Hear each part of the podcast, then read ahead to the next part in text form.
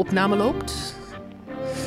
Uh, Oké, Jos. Dus we moeten even voorstellen. Wij zitten nu in iemand zijn podcaststream. En die is benieuwd naar wat wij eigenlijk gaan doen in deze podcast waar hij of zij zich net op geabonneerd heeft. Die De Ware Aard heet. Wat is dit voor serie die uh, de luisteraar te wachten staat?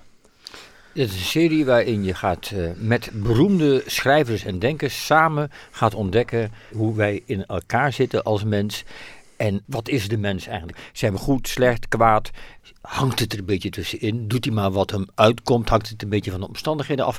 Dat gaan we allemaal na en dat doen we niet op eigen kracht. We gaan op zoek bij grote denkers en schrijvers die daar eens eerder over nagedacht hebben. En jawel, bijvoorbeeld bij Augustinus, die zijn eigen ziel onderzoekt in, in een beroemd boek wat heet uh, Beleidenissen.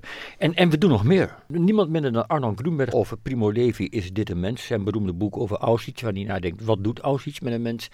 En ja, waar we ook wel heel trots op zijn, eigenlijk om eerlijk te wezen, is de mensenrechtadvocate Lisbeth Zegveld. Die gaat met ons praten over dat boek waar iedereen wel eens wat van gehoord heeft, maar bijna niemand gelezen heeft.